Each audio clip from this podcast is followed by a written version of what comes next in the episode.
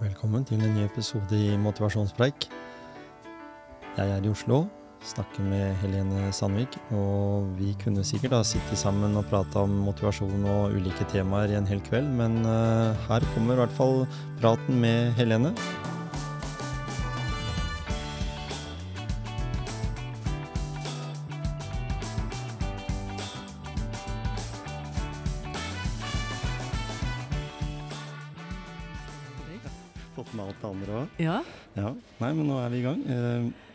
Jeg har tatt turen til Oslo, og her eh, på Thon hotell, Operahotellet, rett overfor Deichman, så treffer jeg deg, Helene Sandvik. Det var hyggelig at du stakk innom. ja, vi hadde noen forskjellige møtepunkter. Først så var det Nasjonalbiblioteket, så var det Deichman, og så var det Ja, Thon, Jaggu. Ja, ikke sant? Men du sjekker jo inn, du. Uansett hvor du, hvor du sjekker inn, holdt jeg på å si. Ja, jeg er ikke redd for å oppsøke nye steder og Nei, sove hvor som helst. Ja. Nei, det var veldig ålreit, og jeg syns jo det var kjempespennende. Nå har jeg sett alle programmene før, og så tok jeg en liten sånn nå de siste to dagene, bare liksom for å få en liten reminder. Oi. Og så har jo det her med hvordan Norge har liksom på en måte blitt, da. Eh, til og med også siden 2020 har det jo skjedd en god del. Vi har hatt, eh, hatt og for så vidt blitt ferdig med en pandemi, i hvert fall sånn nesten. Og så har det vært en del eh, av kolleger av deg i NRK som har laga en eh, to deler av en serie som heter Brennpunkt. Som også har tatt for seg mye av det som jeg faktisk hørte på en uh, podkast du var. Altså i et, da holdt du et foredrag. Om eldre om, eller om Ja, demens Om faren din, blant ja. annet. Ja. Og vet du hva, det Nei, den Brennpunkt-dokumentaren i to deler, den har slått meg i magen, altså. Ikke sant? Og jeg skrev jo bok om faren min og kjenner meg igjen i veldig mye. Mm. Og jeg tror at det, det handler ikke om at folka der ikke vil være gode mennesker. Skjønner du? Nei, ikke sant? Men det skorter på kompetanse. Det er for få kompetente mennesker ute i Mm. den tjenesten. Fordi når du skal ha med gamle mennesker med demens, Mm. som feiler så mye i kroppen, Ja. og som har atferd som kanskje du ikke er helt vant til, så må du vite hva du gjør. Så du Mhm. ikke medisinerer dem i hjel og Og det er ikke uvanlig, for jeg Nei. jobber jo i helsebransjen sjøl. Hvis en kan kalle det en bransje òg. Så jeg har jobba i 14 år. Jeg når jeg satt og hørte på den podkasten eh, på vei inn hit, så var det så mange likhetstrekk jeg hadde. Fordi eh, jeg tenker at eh, ok, jeg er profesjonell når jeg jobber. Jeg har jobba med dette her i mange år. Jeg er en sånn kall det spesial helsefagarbeider, for jeg har tatt eh, treårig tilleggsutdanning i tillegg til helsefag. Så jeg gjorde det fordi jeg hadde ikke tid til å bli sykepleier. Ellers hadde jeg sikkert vært det. ja. For jeg begynte jo med dette her i voksen alder. Men da var det mange ting som slo meg eh, i forhold til hvordan vi blir eh, som pårørende i forhold til når vi ikke er pårørende. Altså du har jo vært da ute og sjekket inn og sjekket ut, og du har en søster som er sykepleier. Men når vi blir pårørende, så blir Syns jeg i hvert fall. Jeg mista faren min nå i romjula. Uta. Og han hadde jo vært syk en god stund. eh, og vi hadde jo jobba, jobba, jobba, jobba for å få han inn på sykehjem, for det var det han hadde mest lyst til. Komme et sted der han kunne treffe andre mennesker, istedenfor å sitte i en leilighet aleine, som han gjorde. Og da eh, følte du litt sånn maktesløshet, fordi du, du fikk høre liksom at nei, han er for frisk, han, vet du, og han eh, Nei, du er for frisk, du Odd, liksom. Du, du har ikke noe på sykehjemmet å gjøre, du. Og så sitter han der og liksom Ja, men jeg vil jo! Og da kjente jeg meg litt igjen i den situasjonen som, som du var i òg, som du prata om eh, der. Da. At, du, at du blir i en sånn håpløs situasjon. Du møter mange mennesker som tror kanskje at de kan jobben sin, og så er det mangel på mye. Mm. Jeg, altså, jeg har jo aldri vært eh, redd for å spørre hvorfor er det sånn, og liksom, å stille spørsmål, da. Mm. Men det jeg mista munn og mæle altså, når eh, faren min fikk demens jeg, jeg ble grepet av sånn enorm avmakt. Mm. For jeg, det var så mye å ta tak i, så jeg visste ikke hvor jeg skulle begynne. Nei. Og så står man i spagaten da, med tunga ut av munnen med småunger og, og en gammel far. Heldigvis så var vi fem søsken. Mm. Så vi ordna oss i en sånn skiftordning. Og faren min var jo så dårlig at han fikk sykehjemsplass, men problemet der var jo at han, han ville jo ikke. Og hvordan, hvordan Man kan ikke dra med faren sin eh, med makt. Nei, ikke sant? Så jeg og tvillingsøsteren vi tulla med det at eh, vi bare lurer ham med å si at vi skal på en hyggelig tur, og så sette av på Ja, men det har faktisk skjedd. Jeg har hørt at mange sier at en må liksom gjøre det, da. Og, og det er jo å bruke tvang, egentlig. Så den kommer jo til en viss punkt i den eh, tiden der da en, en blir så dårlig, den personen, at en bare må ta kontroll. Ja, men ikke sant. Det blir jo mer å lure litt med, da. Det gjør det. Men uh, med faren min så endte det med et fall hjemme, som vi lenge hadde frykta. Mm. Og da bar det inn på sykehus, og derfra i ambulansen til sykehjem. Ikke sant? Mm. Og da, men, men åssen følte du når du i jobben din så dro du ut var, eh, Du var jo fem dager. Mm, eh, På Lørenskog sykehjem. For, for eksempel der. Ja, eller andre yngre steder også. Ja. Du traff jo mange mennesker som både hadde sikkert eh, I og med at kameraene sto på mye, men dere hadde sikkert mye filmrull der som du ikke har tatt med ja, Som du kom nære de eh, tankene som du fikk sjøl også i, i det du skrev boka og sånn, da. Det- om med faren din. At du så liksom Oi, der har vi litt av det. Det blir liksom, litt sånne riper i lakken for, for norsk helsevesen på en måte. Det er jo det. Og så tror jeg at eh, ja, det handler om litt sånn forventningsavklaring også. Altså Mm. du tror at når du kommer på, et, på en institusjon, så skal du være trygg. Du skal få riktig medisin. Og så er, det, så er virkeligheten ikke sånn. Og det syns jeg det må, vi, det må vi kunne snakke, snakke om. Mm, Og si hvor, mm. hva skal vi gjøre med det? Ja. Ikke sant? Fordi jeg tror veldig mange eldre med demens, da, som f.eks. får smerter, Mm. og smertene gjør at de får akutt forvirring og går i så, såkalt delir, da, Mm. som gjør at de kan bli utagerende. Pappa ble veldig atferdsendringer og ble Mm. en litt sånn eh, Litt sinna mann. Ja. Men det var jo fordi at det var urinveisinfeksjon eh, i oppseiling. Han mista mye tenner Mm. mens han var på sykehjemmet, fordi han ville ikke at noen skulle eh, stelle han i munnen. ikke sant? Det var så mye som egentlig vi kunne ha snakket og gått i dialog med helsepersonell med. da. Mm. Jeg mener, altså, Mm. jeg har jo eh, barn som har gått på skolen, og der fikk vi sånne ukentlige oppdateringer fra læreren. Hvorfor kan man ikke ha noe sånt med, med det stedet man har foreldra sine? Mm. For eksempel, og det når, når du sier det at du får en kontaktperson å forholde deg til. Ja. Fordi vi hadde det sånn uh, i Skien at uh, faren min da han holdt Oi. han bodde et sted i øvre nordre bydel, og plutselig så tilhørte ikke den den sonen lenger. Da plutselig hørte han til en helt annen sone, så jeg måtte forholde meg til helt andre mennesker som ikke kjente han. For det er noe med den derre Noe kan du skrive i en rapport, men eh, jeg vet jo sjøl ut fra at jeg skriver rapport i min jobb, så skriver vi jo bare smakk, smakk, altså gjør det enkelt. Mm. Vi kan ikke skrive en lang avhandling hver gang. Så, og, og derfor så mener jeg at det bør være en én person du kan komme til, da. Og så si at det, kan vi ikke ta en prat? Det er mange Jeg har jo jobba med demente og vet jo at eh, det at jeg kommer til pårørende og spør hvordan er han? Hva liker han? Hva har han, hva har han drevet med? Fordi eh, noe av det beste de vet, det er jo, som du, du også har testet, musikk. Høre på og synge og snakke om fortida som de husker. For den glemmer ikke like lett som det som har skjedd de siste måneder og år. Da. Så, så å snakke om hva de har drevet med og sånne ting, da ser du at de får sånn litt, litt mer normalt blikk igjen, da. Mm. Men så er det som du sier òg, at de får et sånn tomt blikk, og det blir liksom sånn Er det noen der? Er det noen hjemme? Tror de bare dovner, dovner bort. Mm. Men det er klart at eh, man kan ikke ha sykepleiere til å sitte inn på rom og bla i album. Vi som pårørende, vi Mm. som har vært eh, har et godt forhold til foreldrene våre, for det er jo ikke alle som har det. Nei, nei. Altså jeg tenker på Det er mange som ligger rundt på sykehjem og som ikke får besøk, Mm. og det er kanskje en grunn til det. Ja. Kanskje de ikke har vært så snille mot nei. unga sine.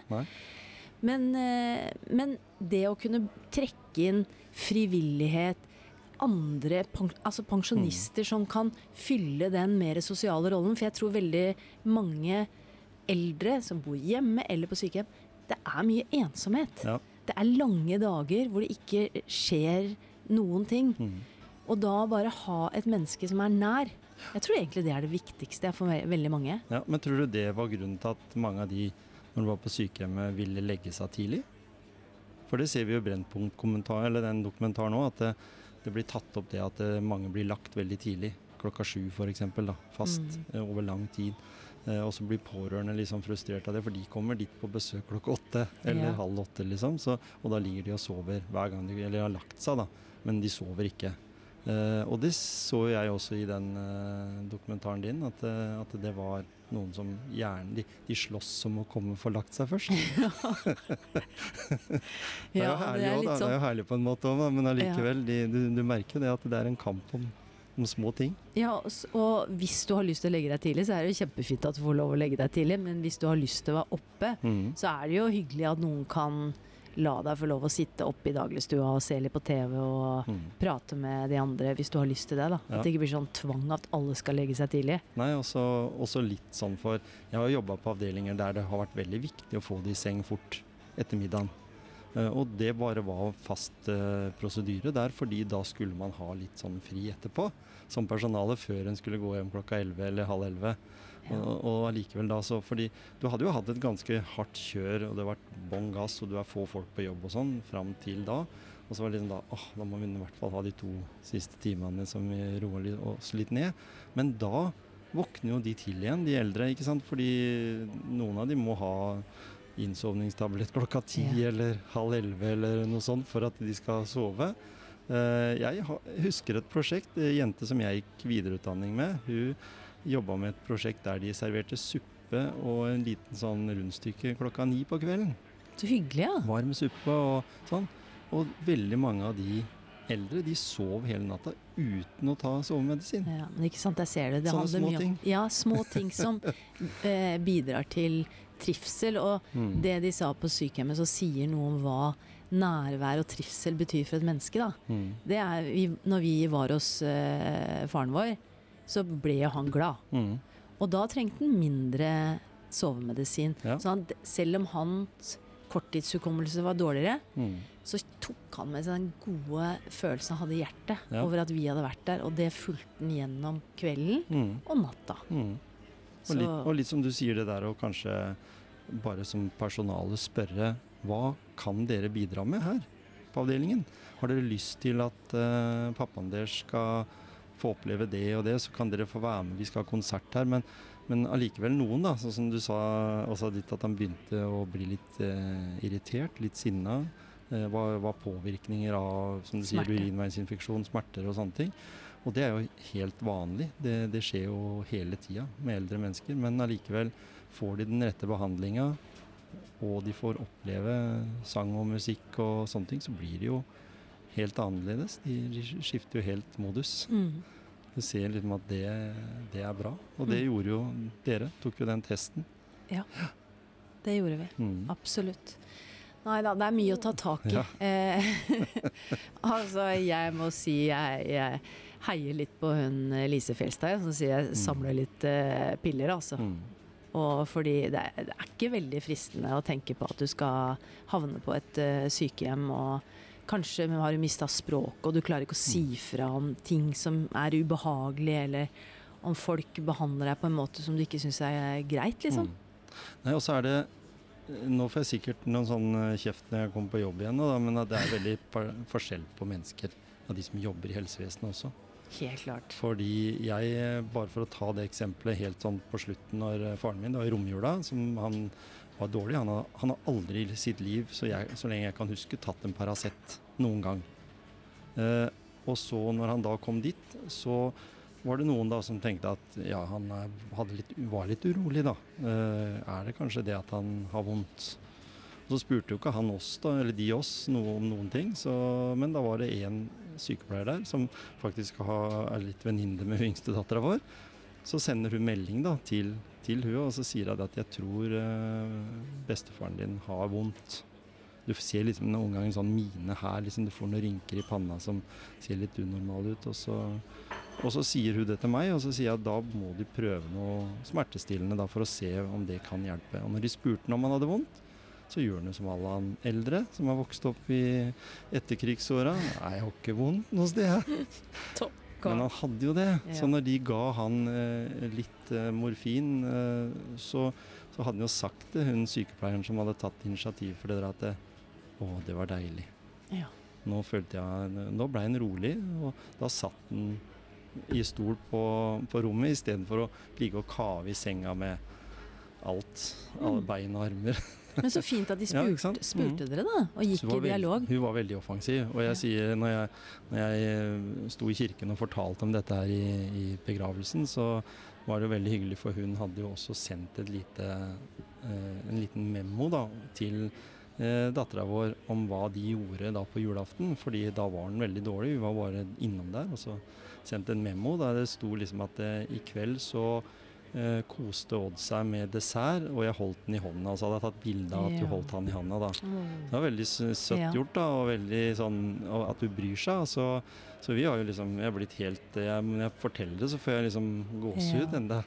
Jeg vet at det burde vært flere av de som bryr Mm. seg såpass mye. For da må det være mye mer givende å gå hjem fra jobb også, istedenfor bare å snakke om at vi er altfor få folk, og vi skulle vært flere, og vi skulle vært, hatt mer tid, og vi skulle hatt mer penger, og det er så mye sånn.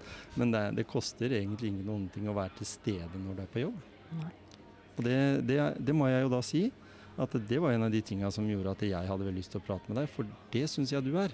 Når du er i de eh, dokumentarene du lager, så virker det som at du får en veldig god connection med enten det er unge gutter på Mortensrud, eller, det er, eller på et sykehjem, eller, eller i en fengsel eller asylmottak, så virker det som at de har veldig lett for å få kontakt med deg. Er det en, en god egenskap du har? Det tror jeg. Ja. Jeg tror det er en, en av mine styrker. Mhm.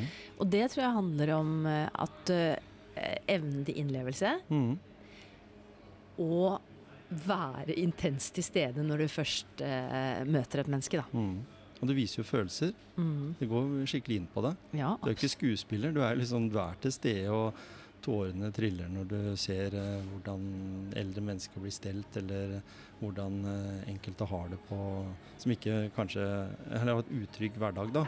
Eh, betyr ordet trygghet noe for deg i de sammenhenger? For det ser jeg kommer borti mange ganger. Eh, For meg når Nei, jeg men Når du lager eh, reportasje og sånn, så kommer du borti mange mennesker der trygghet er veldig vesentlig. da. Mm. Enten du søker asyl og du ikke vet helt om du får være i Norge eller ikke. Helt klart. Eller du sitter i fengsel og du ikke vet om du får eh, lov å komme ut eller ikke. Altså Det er mange sånne ting. Og, og jeg sjøl tenker at eh, ordet, altså det med trygghet er viktigere for oss enn mye annet. Helt enig. Mm. Helt enig. Og jeg eh, har trygghet. Ja, ikke Ikke sant? sant? Jeg har et, et trygt hjem. Mm. Jeg har trygghet i forhold til at jeg har familie som er glad i meg. Men det er mange mennesker ja, Mm. som kjenner på utrygghet. Ja.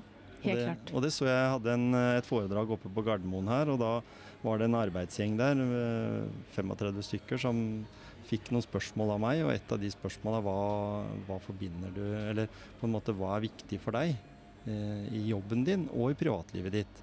Og da var det tror jeg 90 hadde svart trygghet. Og forutsigbarhet. Det var liksom de to tinga. For nå har jeg litt, vært litt utrygg nå med permitteringer og alt sånt, så det var to veldig viktige elementer som, som alle de svarte.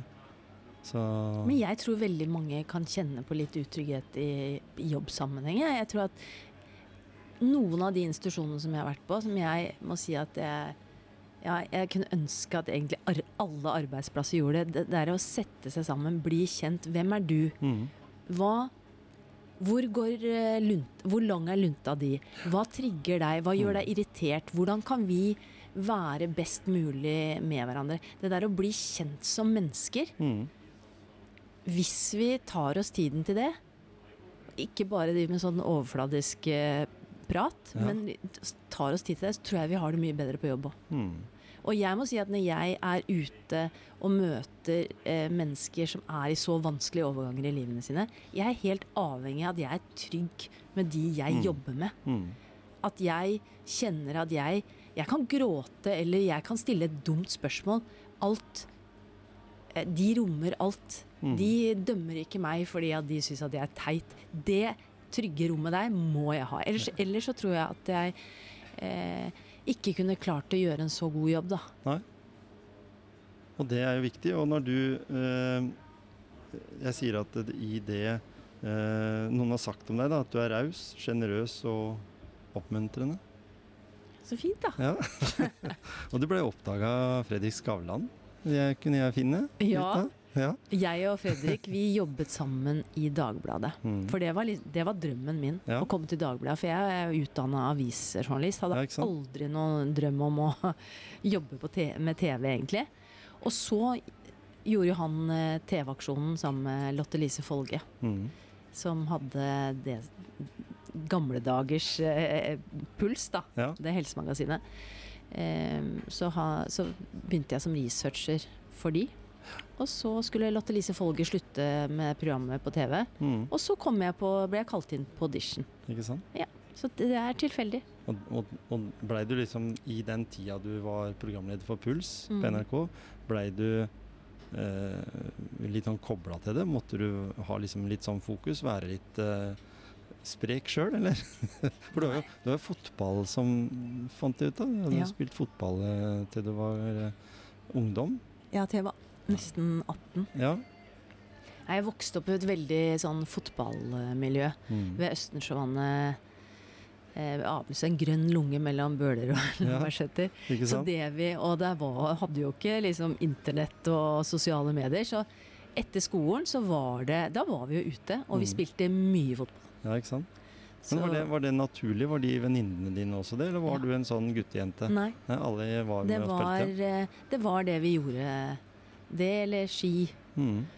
Sto masse på skøyter, sånn at det har vært veldig naturlig. Og så er jeg er et menneske, det tror jeg har vært fra jeg var ung, opptatt av eh, å spise sunt. Mm. Eh, og trene for å ha en sterk kropp. Og jeg kjenner jo, jo eldre jeg blir, jo mer kjenner jeg at eh, trening, eller mosjon, da Ja. Det der å ha en sterk kropp gir meg et sterkt hue, da. Mm. Jeg skrev bok om det òg, jeg. Ja, ja. Så, og det, det kjenner jeg De to tingene henger veldig. Det, det å føle seg sterk, ha kondis som får deg fra A til B, Mm. det gjør noe med den mentale helsa di. Ta trapper, ikke heis. Ja. Men når du, når du da har et sånt program, det blir, du får en enorm kompetanse som programleder for det, for du treffer jo utrolig mange mennesker. Du fanger opp mange elementer som, som på en måte er helsebringende, hvis en kan kalle det det. Eh, og en får jo mye lærdom og mye, mye i egen bagasje også. Veldig. Ja. Og det er jo det jeg elsker. Jeg Mhm. kunne ikke vært forsker og liksom sitte nede i purra på ett tema hele Nei, livet. Da hadde jeg blitt kjempeutålmodig. Jeg liker det. Mm. Treffe nye mennesker. Ja. Lese en ny artikkel. Jeg leser ikke så mye skjønnlitteratur, men jeg, jeg kan synes det er spennende å lese en fagartikkel. Mm.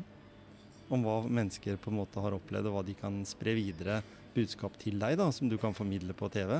Ja, eller om det er hvis jeg jobber med en, eh, en sak og leser om, eh, om forskningen rusfeltet, f.eks. Mm. Eh, Det syns jeg er spennende. Du er vokst opp på 70-80-tallet. Mm. Jeg er jo omtrent jeg er litt eldre enn da, men allikevel, uh, den tida der var jo en veldig fin tid. da. Er du sånn, er du sånn som motiverer uh, barna dine til å ta inn over deg hvor bra det egentlig var på 70-80-åra? For jeg har jo snakka med mange som sier at det var så forferdelig da, men sammenligna med hvordan ungdom kanskje har i dag, da, med det presset og, og det som er i dag, så er du, er du litt som meg, at du sier at ja, vi hadde det veldig bra. vet du vi tar oss en tur, vi kommer oss ut, bruker naturen og skog og, og mark og sånt. Er det helt, blir det bare sett på som helt sånn corny da, når du sier dette. Jeg tror veldig det handler om hvordan man sier det. Jeg tror man er litt forsiktig med å si at alt var så veldig mye bedre før. Ja. For de lever jo i sin virkelighet. Det er det det er. Så, men eh, å, snakke litt om hvordan hvordan jeg hadde det i oppveksten, og fotballen og gutter og sånne ting, det, det gjør jeg jo. Ja. Så. Men det er ingen av de som spiller fotball? Nei, ingen av eh, de, de startet Jeg ville gjerne at de skulle spille fotball, men det var ingen som fant stor glede i det. Nei, ikke sant? Jeg hadde jo jeg har spilt fotball siden jeg var bitte liten og slutta når jeg ble 50, liksom. Og da tenkte jeg at det, det håper jeg jo at de jentene mine tidligere ville bli, og jeg har vært fotballtrener for de og, Ja. begge to egentlig. Men det var ingen av de som syns, eh, når hun yngste syns det var moroere å plukke blomster eller klatre i trær, Ja. så fant jeg ut at det da får heller bli speideren på huet. Og det blei det. Nei, jeg kunne aldri tenkt meg å være en sånn forelder som, som skal realisere meg sjæl gjennom Nei. ungene mine og idrett, altså. Nei. Nei, jeg, de får lov å prøve ting, slutte, Ja. begynne på nye ting. Det er moro. Det, Ja. det er sånn. De skal ha frie, frie tøyler. Og det sier jeg jo igjen at jeg har en svigersønn som også er like hekta på fotball, kanskje mer enn det jeg har vært. Og han er jo veldig gira på at de to døtrene, eller barnebarna, da skal være interessert i fotball. Hun første nei. hun hadde ikke så veldig lyst. Uh, hun er begynner på skolen nå til, til høsten, og fotball det er ikke noe for hun. Teater kanskje, kanskje noe sånn, dans. Og så får vi se da med hun yngste, da, som er tre. Kanskje det blir noe fotball på hun. Ja. Who knows? Men du, er det ikke fascinerende? Jeg ser litt på 'Mesternes mester' nå. Mm. De der som har bare kjent fra de var små at de skal De sier som tiåring 'Jeg skal bli verdensmester Ja, om ti år'. ja, ja. De som har den der drivkraften til å bli en ener, Mm. og det kommer innenfra. Mm. Det er ikke noe press fra foreldre. Nei. Det syns jeg er helt fascinerende. Og alle de du spør som oppnår det, når de er sånn type uh, Ingebrigtsen-brødrene, ikke sant, med Jakob spesielt, som også sa det samme. At jeg skal delta i OL da og ta gull. Og så, og så, og så gjennomfører de det. Og det ser vi jo med de tennis, eh, eller, tennis og golf og alle disse. eh, har jo sagt det. Alpint, Ja. langrenn. Jeg har snakka med langrennsløpere som også hadde ambisjonen om det, at de ville bli verdensmester, ikke sant. Og så blir det. Så det er, så det er jo noe med den derre klokka den der, og den indre motivasjonen Ja. som jeg er veldig opptatt av. Den at du skal ut og trene hver bidige dag. Eh, sånn som Olaf Tufte, ikke sant. Han nytta jo ikke for han å sitte hjemme når det regnet ute og ikke trene. Liksom, da måtte, han måtte ut hver dag. Måtte ut tre, fire, fem timer hver dag. Og sånn er det jo med de. Så, men vi har jo ulike motivasjoner, da. Noen brenner for eh, ting. Eh, du brenner for å lage dokumentarer om, om ulike temaer som berører vårt. Både hodet og, og hjertet spesielt. Uh, og jeg liker å lage podkast når jeg ikke er på jobb. Så, så vi har litt våre, våre, våre ting å, å, å holde på med. Er det mange som hører på? Ja, Ja. det er det. Og en, en aldersgruppe 35 til 60. Og det er ikke bare podkaster for Og det er mange som lytter på podkast der, altså. Ja. Men uh, så fanger jeg opp noen yngre mennesker òg. Mm. Men, uh, men det viktige er jo at, det, at en har lyttere. 1500 til 3000 i uka, det er vi fornøyd med. Ja, På det nivået som vi er. det. Nei, nei, nei. Altså ikke noe reklame. Nei, det er deilig, da. jeg Orker ikke den reklama. Ja. Det er så mye på de radiokanalene i bilen at jeg bare kjører videre og videre. videre. Jeg hører så mye Kiwi-reklame og så mye annet som åh, jeg orker ikke lenger. Nei, det er enig. Så jeg blir helt eh, uvel. Eh, når du lager, eller når dere lager en reportasje, dere er et ganske stort team. Mm. Eh, og dere hørte jeg et sted at dere lager veldig mye opptak. Mange, mange, mange timer. Mange Ja. døgn. Jeg tror at det, uh, det liksom Det meste vi hadde av opptak på fem døgn, det var på Trandum. Det er siste stopp før utreise, altså hvor du blir sendt ut av landet. Hvis Mm. du oppholder deg her uten å ha asyl. Mm. Og der tror jeg vi hadde 40 timer Ja. opptak, og så skal det ned til 59 minutter. Det er ikke lett. Eller? det er mye jobb. ja. Det er nesten mer jobb bare å finne ut av hva du vil ha med, for du ville jo gjerne hatt eh, ti episoder av det der. ja. Men eh, det er nesten sånn at uh, Jeg sier av og til så skulle jeg hatt en sånn derre knapp å trykke på, fordi jeg hører jo Nå! Der har vi en. Ja. Du hører når mennesker sier noe som treffer deg. Mm. Eh, så man kunne nesten gjort en sånn grovredigering ute Ja. på opptak hvis Ja, jeg hadde sånn skjult knapp jeg kunne Mm. trykke inn- og ut-punkt. Så mm, Men jobber dere annerledes nå enn når du begynte? Altså, for det, det har jo vært Det, det er sikkert eh, stort nok team sånn som det er nå, når du er i en såpass stor kanal som NRK. Men, men er det sånn, sånn som jeg snakka med hun Gry fra London Ja. eh, for nyheter, så måtte jo hun ta med seg kamera, stativ og lys og sånn litt sjøl. Ja, fy Det var bare hun. Nei, vet du hva. Stiller opp der, og så nå står jeg foran kamera, liksom. Så Ja, da hadde jeg fått helt packeren, altså. Det er, føles trygt å ha med deg noen. ja, gjør det ikke Eh, det? jo, Du sa jo det i stad òg. Absolutt. Og det der å ha noen å, å spille ball med, og, Mm. og få innspill og hjelpe hverandre hvis man syns ting er vanskelig. Mm. Så, men jeg må si at jeg har lært ekstremt mye av å lage Helene sjekker inn. Ikke Ja. minst etikk. Altså Vi lærer jo om etikk på Journalisthøgskolen, Mhm. men uh, jeg, kan, jeg kan liksom ikke si noe om paragrafene. Og, og det jeg har lært, er jo at det finnes ingen to røde streker under et svar. Eh, så det som vi lærte tidlig, var jo at én ting er jo de medvirkende som sier ja til oss.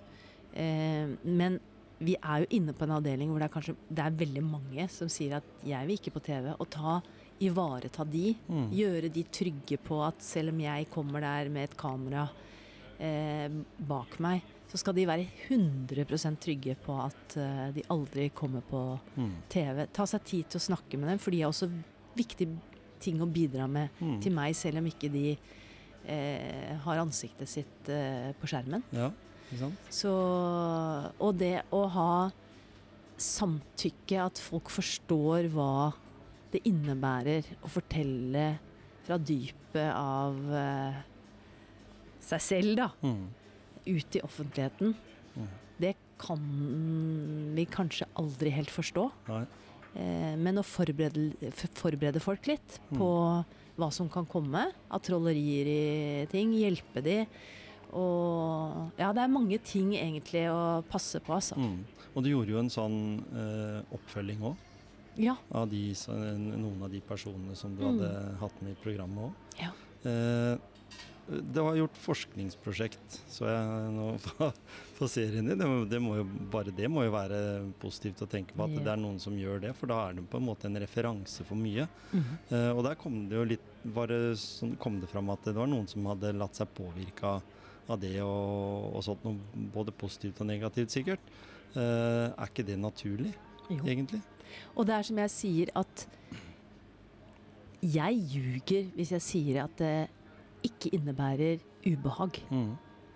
å få et filmteam eh, på besøk. Mm. Eh, men Og jeg tenker at noe risiko må vi leve med hvis vi tenker at det vi gjør nå, Hvis vi bestemmer oss da Mm. for at dette her er så viktig for samfunnet å få vite noe om, at nå åpner denne institusjonen dørene, og de og de sier ja. Mm. Så er det alltid en risiko for at noen kan kjenne at vet du hva, dette blir ikke greit.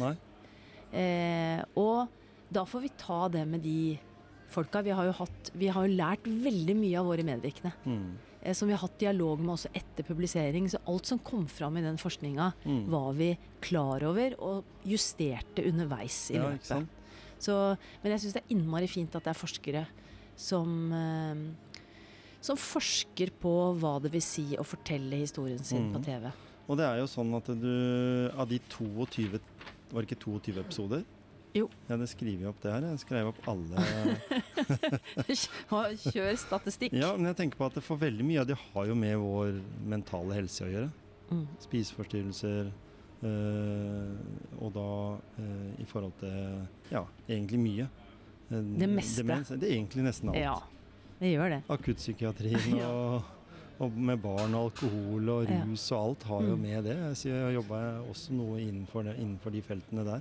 Og ser jo det at det, det er veldig mye mentalt øh, syke mennesker der ute. Da. Og Mm. det er jo Jeg husker så godt en som sa til meg øh, som, som hadde brekt beinet.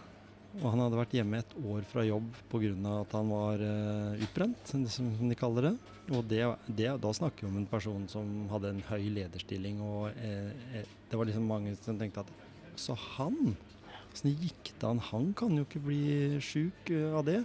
Og følte sjøl at han ikke fikk noe respons i verken nettverket sitt eller noe sånt, for han så jo helt vanlig ut. De visste jo ikke at han sleit med å komme opp av senga om morgenen og, og ikke orka å treffe andre mennesker og sånn. Eh, og så hadde han vært på, i båten, og så hadde han sklidd og så brekt beinet. Så gikk han med gips og krykker. Syns det var deilig, da. Det var deilig. Mm. Endelig var det noen som så at eh, Ja. han hadde en grunn for å ikke være på, på jobb.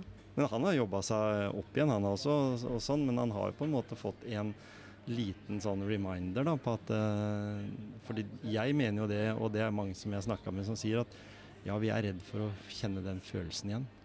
Mm. Der kommer den. Altså denne her eh, utbrentfølelsen, hvis vi skal kalle det det. Den som gjør at du er redd for å havne i, i kjelleren på nytt. da. Så du går liksom litt og føler på det. da. Er dette her nok? Er dette her noe press jeg takler? Så det blir liksom en sånn utøver. Men er ikke det litt bra, egentlig? Fordi da kan du trykke på stopp-knappen før det er for Ja, det er det jeg mener. Fordi, men det tenker jeg Altså, jeg er jo en offentlig person og har try- trynet mitt på skjermen. Men jeg har alltid vært flink til å ta vare på meg sjøl. Mm. Og sette grenser for meg selv. Og ikke jeg er ikke så veldig opptatt av hva andre tenker. Jeg tenker, vet du hva, jeg gjør så godt jeg kan. Mm. Og mer kan jeg ikke gjøre. Nei. Det er ikke alle som kan like meg. Nei. Noen syns sikkert det er helt håpløst. Det er greit, det òg. Jo, jo, men når du da lager et program, Ja. du treffer mennesker, f.eks. psykisk syke unge mennesker, f.eks. For, for jeg syns jo du har en utrolig god evne til å også få nærkontakt med unge mennesker. Ja. Altså på barna dine sin alder, og yngre enn de òg, tenker jeg da. Eh, hvordan går du fram? Jeg, jeg, det, jeg Du er tror, bare deg sjøl? Ja. ja. Du blir ekte, liksom? Mm, ja, jeg tror at det handler om å være eh, til stede. Og jeg vet ikke. Jeg gjør ikke noe spesielt for Nei, det. Nei for, det, for det er jo en ting som jeg altså Nå blir jeg sikkert sett på som en gammel gubbe, liksom, som, som er opptatt av at uh, dette her med å være ekte og være seg sjøl, ikke være bare tull og tøys. Jeg syns jeg, jeg, jeg ler av KLM og Fleksnes, liksom. og savner litt den humoren. Den enkle, lettvinnet som ikke er noe sånn tull og tøys det. Og, og, og sånn. Og unge mennesker skal forholde seg til ja, TV-programmer fra kolleger av deg på NRK annet, og andre kanaler også, som bare skal liksom fleipe og de skal si stygge ting om hverandre. også når ikke de er i den kameramodusen, så skal de være liksom snille og greie. Det det, jeg skjønner ikke helt den der. Er det jeg som ikke da får det helt inn? For jeg også føler jo at jeg har god kontakt med unge mennesker, sånn, sånn utgangspunktet. Men jeg skjønner ikke helt den humoren. Nei. og da blir jeg plutselig liksom oldies med en gang. Det kan jo hende. For du må jo le litt når du er med de unge menneskene, f.eks. på Mortensrud, så må du jo le litt og være i den settingen. For det er jo Jeg vet i hvert fall at de gutta der, de, de har jo et sånn jeg skal si, litt spesielt forhold til jenter sikkert òg. Fordi de er jo vokst opp mye sånn flerkulturelt, og det er liksom noen går eh, tildekt og andre ikke. Så, så det er ikke bare enkelt. Ja, men jeg, jeg, jeg tror at eh, hvis man begynner å overtenke, Ja. så er det farlig. Jeg bare møter dem, jeg, Ja. og er nysgjerrig. Ja. Eh, og det er jo eh, Så får man se om det holder, liksom. Men da du lærer mye om deg sjøl, da? Eller? I de settingene der? Er du, er du liksom, for jeg tenker sånn eh, Får du veldig mye god energi når du ser hvordan de menneskene møter hverandre? F.eks. jeg. Jeg, ble, jeg fikk sånn gåsehud av det når du, du jobba med de unge gutta som, som jeg tenker at ikke prater om følelser med hvem som helst, og så gjør de det med deg. Ja. Og så har de noen av disse miljøarbeiderne f.eks. der oppe. Og det, Var ikke de fine, eller? jo, kjempeflotte folk. Jeg tror alle skoler skulle hatt et lass av voksne, fine folk. Ja, ja. Og, og spesielt kanskje, som du var inne på der òg, personer som har vokst opp i det miljøet òg. Mm. Så de vet liksom begge sider av, av medaljen, på en måte. Og de som drev med treningssenter og sånne ting også, som hadde vært litt ute og Ja. kjøre også. Og så hadde de på en måte nå Fordi de har jo på en måte De er jo et sannhetsvitne til hva du helst ikke bør gjøre. Mm. Jeg tror mange av de unge gutta ser opp til de Mm. Både Shahid og han Stig Morten. Ja. Kjempebra Og det er nydelig når folk snur i livet og tenker at OK, jeg har gjort mye dritt, Mm. men nå vil jeg bruke resten av livet mitt på å, å gjøre noe godt for andre. Altså, det gir mening. Mm. Og så- må du liksom ikke gå rundt og be om tilgivelse for det og si unnskyld heller. Du må liksom på en måte bli ferdig med fortida. Ja, du har jo sona, de har jo sona ferdig. Ja, ikke sant? Da må de få lov å prøve på nytt. Er det ny program på gang, eller? Jobber du med Ja, jeg jobber eh, egentlig med siste Siste episode av Helene sjekker ut eh, andre sesong. og, det, og vi eh, er oppe i Kirkenes og møter eh, russere i Norge. Ja. Det er jo et veldig fascinerende samfunn Mm. som eh, grenser til Russland. Ja. Og hvor det har vært masse interaksjon Mm. mellom russere og Norge. Det er vennskapsbyer, det er sportsutveksling, Mm. det er kjærlighet, det er business. Og så kommer krigen, og alt blir satt på prøve. Mm. Så det er mye som står på spill for mange. Og ting det ikke snakkes om nå. Mm. Så det er veldig spennende å være der oppe. Ja, jeg Hadde aldri, aldri vært der Nei, før. sant? Jeg jobber med en sykepleier. Ja. Han eh, er jo fra Kirkenes. Ja. Han har jo like mange russiske venner som han har norske venner. I hvert fall i den tida han bodde der oppe. Nå har han jo flytta ned til, til Telemark, da, men eh, likevel i de ungdomsåra så var det jo helt, helt naturlig Mm. å, å ha den kontakten. Det var ikke noe grense, på en måte, sånn Nei. som det er nå. Nei. Og det jo, ser jeg jo med russiske Jeg syns det er veldig synd, for det er veldig mange russere som egentlig ikke applauderer for den krigen. Ja. Og som på en måte allikevel har problemer fordi de er russere, da. Det er dårlig gjort. Det er veldig dårlig gjort. Ja, man kan ikke noe for at man kommer fra Russland. Jeg kan ikke det. Snakker russisk Ja. og Nei. Det blir nesten som å holde med feil fotballag, liksom. Ja. Det enda verre enn det, for det er mange som det er triste skjebner.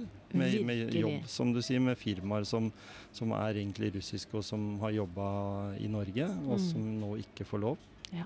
Bare må reise. Ja. Mm. Hva gjør du når eh, du eh, lader, da? Å, jeg er veldig glad i å Jeg er veldig glad i hest. Mm. Så jeg er i en stall ute i Asker, og der finner jeg helt sånn Ja, det er meditasjon for meg. Altså stå og møkke hestebæsj og være ute og ri. Da er jeg, jeg kan være stressa når jeg kommer i stallen, og så bare finner jeg helt ro. Men har det vært hestejente, eller? Sånn, Ja, men men jeg har aldri egentlig lært meg å ri før jeg ble 50. Nei, sånn, ja. Og jeg har skjønt at det er veldig bra trening for huet òg, for det er veldig mye som skal skje eh, diagonalt. da. Mm. At du skal gjøre én ting med hånda, så skal du Ja. gjøre en annen ting med det motsatt bein. Så eh, det, er, det krever ekstrem konsentrasjon og tilstedeværelse Mm. å ri. Mm. Så det, jeg synes, det bruker jeg tid på. Og så er jeg jo veldig glad i å trene, da. Ja. Eh, holde meg i form. Er det, som du snakka om tidligere, er mosjon? Er motion. det ut og gå tur? Ut og løpe, Ja. eller bruke mye, jeg bruker mye transportetappe til og fra jobb, for det Mm. er ca. fem kilometer. Det kan jeg gå, Ja. løpe, løpe intervall. Mm. Eh, så jeg varierer veldig fra dag til dag. ja. Og så har jeg noen vekter hjemme, Mm. så jeg får trent styrke. Ja. Det er viktig også vet når man blir eldre. Så det er ikke noe sånn treningssenter i kjelleren på NRK? Jo, det er kjempebra. Ja, det er det? Så av og til så går jeg innom der òg. Ja. Mm. Så kjekt. Kjempehyggelig at du tok deg tid til å komme til motivasjonspreik.